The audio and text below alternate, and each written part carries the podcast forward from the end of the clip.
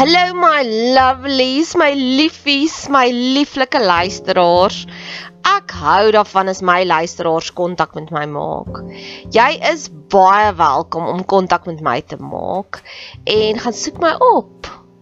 En wie weet, dalk gebruik ek jou kommentaar, jou opbouende terugvoer iewers nog in 'n pot gooi. Sis, Artist Way week 2 en hierdie is die tweede potgooi. Elke maandagooggend gaan ek jou lewe betower met potgoeie hier, hoor. Ek het hierdie nuwe oorlosie, hierdie Garmin oorlosie as 'n geskenk gekry. Iemand het dit vir my gegee. Iemand het in my lewe geïnvesteer. En die Garmin oorlosie toets my kan my spanningsvlakke vir my sê, kan my emotional battery vir my gee, my emosionele battery, hoe vol is my liefdesdentjie. Maar ek wens hy het nog 'n funksie gehad waar hy vir my gewys het hoeveel keer op 'n dag kry ek holy anger. So hierdie is een van daardie ek is mal oor die liedjie van Goliath van Smith en Tell en waar sy ook sê sy sê elke hindernis is vir haar ietsiekie waarteen sy wil rebelleer. Soos ek sien myself baie as Greta Thunberg waar sy wil opstaan en veg vir die aarde. So wil ek opstaan en veg vir jou hartjie. Ek bid baie vir mense. En as ek sien mense word onregverdig hanteer, kry ek hierdie holy anger. Soveel kere in die preke in die in die ja, in konvensionele kerke is daar soveel preke teen hoogmoed. Ja, hoogmoed is nie goed nie, maar weet jy wat? 'n Lae selfbeeld is erger. Want dan volg jy net dan jy so skaf in die wind, jy waai net. So lae selfbeeld is een en dan die ander een wanneer mense martelaars raak vir ander mense, 'n martyrdom, nê? Nee, daar's hierdie daar's amper hierdie valse verering wanneer jy jou eie behoeftes die heeltyd tweede stel. Ja, om iemand se vloerlap te wees, draai die wang, draai jou ander wang word amper meer gecherish as wat dit is om vir jouself op te staan. En dit gee ook vir my daai holy anger. So ek wil gesels en ek het gister, ag die Here is net so awesome. Ek het gister 'n bedieningsafspraak, 'n coaching afspraak, 'n hospitaal sieke besoek gehad met iemand. En sy was in die hospitaal, sy's daarom nie meer nie, in hoë sorg vir 3 dae met 'n maagseer. En toe gaan ek vir die debrief vir die ontlonding en ek sê vir haar waaroor stres jy so erg? En al haar stressors was ander mense se probleme. En sy dink dis godly om namens ander mense te worry. En dit is nie. Dit het haar vir 3 dae lank in ICU laat opeindig of hoësorg.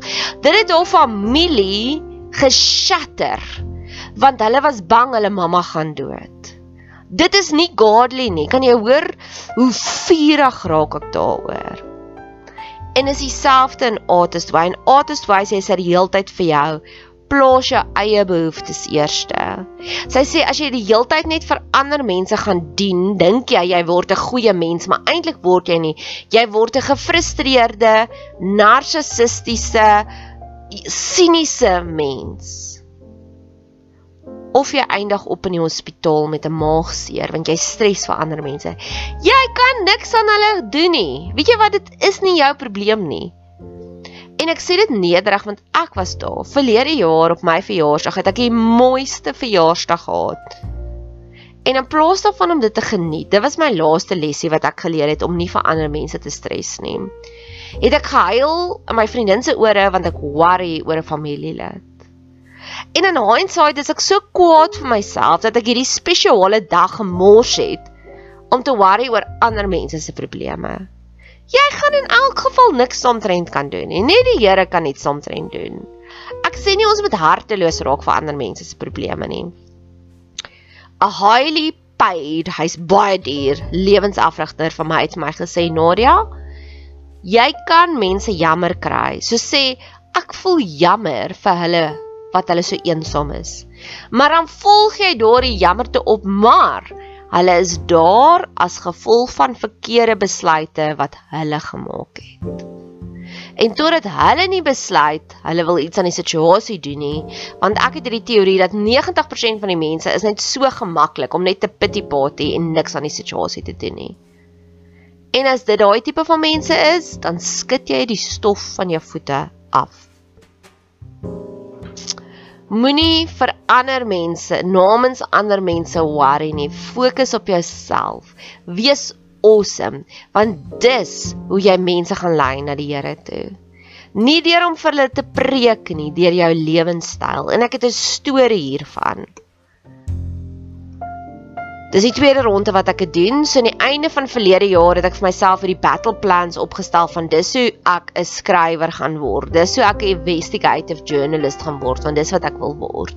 En dis hoe ek produksies gaan doen, shows gaan doen. En een van die investigative journalist opdragte vir myself was om voorlopers in die industrie, kapteine van die industrie te gaan opswat en hulle beste maatjie te raak. Ek het intedeel 'n redakteursbriefie geskryf dat dit nog nie enige opbrengs opgelewer nie en ek het vir haar gesê kom ons sê haar naam is Mari. Hallo Mari, om vir myself en toe het ek e-pos getik. Ek en jy gaan BFFs word. En ons is nou nog nie sit nie eens geantwoord nie, maar ek's okay daarmee. Maar een ander en hierdie is 'n nee, ek gaan haar nie shout out nie. Ek gaan haar ek gaan haar respekteer, haar privaatheid respekteer. Maar een ander baie bekende joernalis, ek en sy gesels tog ons gereeld. En ek kyk so op na haar. Alles wat sy doen, every little thing she does is magic. En ek en sy is Facebook maatjies. En Vrydagoggend het ek hierdie briefie geskryf oor dinge wat in my lewe aangaan en sy het dit gaan like. En ek was so trots, ek het dit gedra soos 'n war medal, 'n oorlogsmedalje van oh, wow, dis altyd my kosbaar is iemand wat in 'n autoriteitsposisie is, iemand wat in die publieke oog is, iemand wat ja, 'n klein bietjie van 'n celebrity is in haar eie reg. As iemand van dit vir my publieke erkenning gee soos haar Facebook like. En ek was so oorweldig. Ek was so dankbaar. En gisteraand is ek heel toevallig op Facebook. Ek is nie baie op Facebook nie as 'n toeskouer nie. Ek's meer as 'n influencer op Facebook. En gisteraand toe ek vinnig gou 'n bietjie as 'n toeskouer op Facebook ronddraai, toe sien ek sy het begin om dieselfde doen op haar blad. Sy sal elke aan die einde van die dag 'n kort paragraafie skryf oor wat was haar dag. En ek dink dis waar ons almal op soek is. Ons wil invloedryk wees, maar jou beste manier hoe jy invloedryk gaan wees is om net awesome te wees in jou eie reg. Moenie vir mense preek nie. I've been there done that. Die hoeveelheid hearts and minds wat ek gewen het toe ek vir mense gepreek het, is baie min. In vergelyking met die hoeveelheid mense wat ek bereik het deur net my lewenstyl.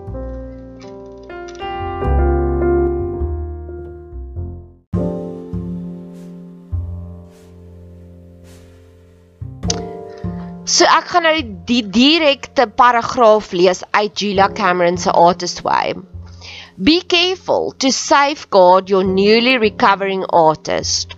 Often, creativity is blocked by our falling in with other people's plans for us.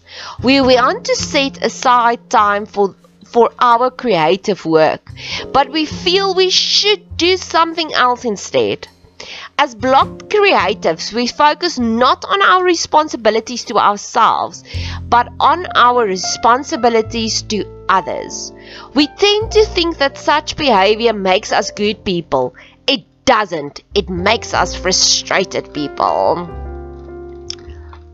En dis die verhaal van Martha en Maria, nê? Nee.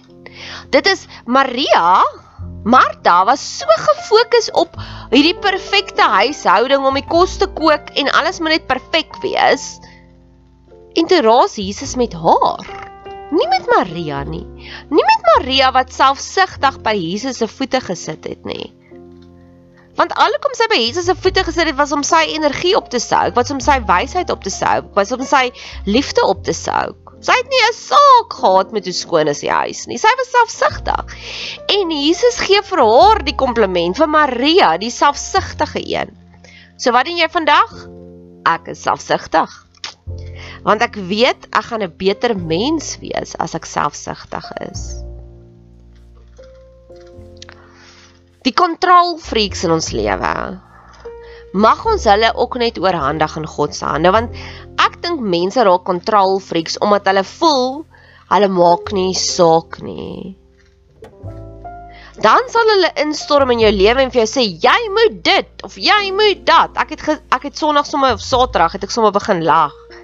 Daar's 'n nuwe spesiale mens in my lewe en hy het hierdie oproep ontvang en hierdie persoon het gesê jy moet dit, jy moet dit en ek het net gesit en gegil in die oomblik want dit was net so 'n uh,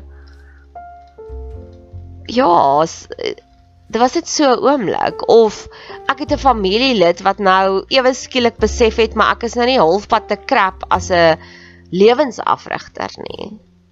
En toe begin sy met my nadat ek 'n fantastiese sessie, publieke sessie gedoen het met haar personeel. Toe sê sy vir my, "Jy is so goed, jy moet gaan sielkunde swat." Toe sê ek, "Nee." nee. Hierdie wat ek doen is goed genoeg. Dis wat ek wil doen. Toe sê ek vir een sielkundiges voel ek plaas net labels op probleme. Ek glo meer in berading. Toe sê sy, "Jy is so goed, jy moet berading gaan doen." Toe sê ek, "Nee. Ek is heeltemal te hard vir berading. Jy moet sag wees en jy moet na die mense se probleme kan luister." Wel, ek sê vir hulle sê, "Weet jy wat?